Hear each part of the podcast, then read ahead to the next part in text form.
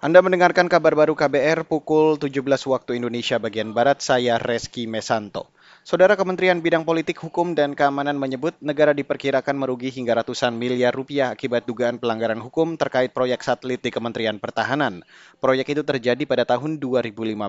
Menteri Koordinator Politik, Hukum, dan Keamanan Mahfud MD mengatakan, negara dirugikan akibat kontrak proyek melanggar hukum. Karena itu, ia memerintahkan Kejaksaan Agung untuk menyelidiki penanggung jawab pembuat kontrak tersebut. Terus bagaimana? Ya yang bertanggung jawab yang membuat kontrak itu karena belum ada dari negara di dalam APBN bahwa harus mengadakan itu melakukan pengadaan satelit dengan cara-cara itu. Apalagi itu terjadi eh, sudah agak lama 2011 itu sudah muncul rasan-rasan tentang ini menurut BPKP sehingga ini eh, kami anggap pelanggaran prosedurnya sudah serius dan negara tidak akan membiarkan ini Menko Poluka Mahfud MD merinci Kemhan menekan kontrak dengan Avanti, Navajo, Airbus, Detente, Hogan Lovel, dan Telesat, meskipun belum tersedia anggaran.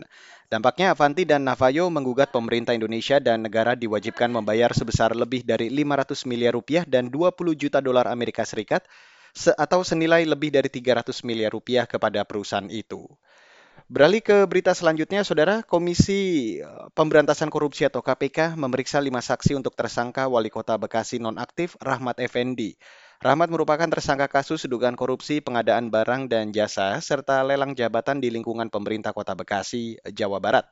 Juru bicara KPK, Ali Fikri dalam keterangan tertulis mengatakan, Lima saksi tersebut adalah Kepala Dinas Penanaman Modal dan Pelayanan Terpadu Satu Pintu Lintong Dianto Putra dan Kepala Seksi Perencanaan dan Pengadaan Lahan Disperkim Tan Kota Bekasi Usman Sufirman. Saksi lainnya yaitu Luras Pajang Jaya Kota Bekasi Junaidi dan Tan Kristin Chandra selaku pihak swasta. Dalam kasus ini, KPK telah menetapkan Rahmat Effendi dan delapan tersangka lain, di antaranya Kepala Dinas Perumahan Rakyat dan Kawasan Permukiman Kota Bekasi, Jum Hana Lutfi, dan Camat Rawalumbuh Mahmud Saifuddin. Politikus Golkar itu diduga mengintervensi dengan memilih langsung pihak swasta yang lahannya akan digunakan untuk proyek pengadaan sejumlah pembangunan. Kemudian ia diduga meminta sejumlah uang terkait aksinya tersebut. Saudara Badan Meteorologi, Klimatologi, dan Geofisika atau BMKG Stasiun Meteorologi Maritim Tanjung Mas, Semarang memperkirakan terjadi gelombang tinggi pada tiga hari ke depan di pantai utara. Koordinator Observasi dan Informasi BMKG Stasiun Meteorologi Maritim Tanjung Mas, Semarang, Ganis Eru Cahyo menghimbau kepada nelayan agar waspada dan berhati-hati selama melaut lantaran ketinggian gelombang mencapai lebih dari 2 meter.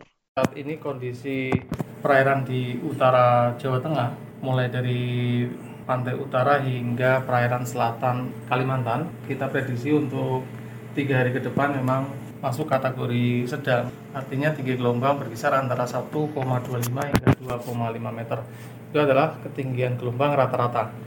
Jadi dari ketinggian eh, rata-rata uh, itu untuk perkiraan kami, kondisi di lapangan bisa dua kali lipat dari yang diperkirakan. Sedangkan untuk anginnya uh, masih dominan dari barat hingga barat laut dengan kecepatan berkisar antara 2 hingga 20 knot. Perakirawan cuaca dari BMKG Stasiun Meteorologi Maritim Tanjung Mas Semarang Ganis Eru Cahyo menjelaskan, gelombang tinggi juga diikuti dengan angin kencang yang terjadi di daerah pesisir. Ia menghimbau kepada masyarakat, khususnya nelayan, untuk terus memantau informasi yang diberikan oleh BMKG terkait dengan cuaca sebelum pergi melaut. Dan saudara, demikian kabar baru saya Reski Mesanto.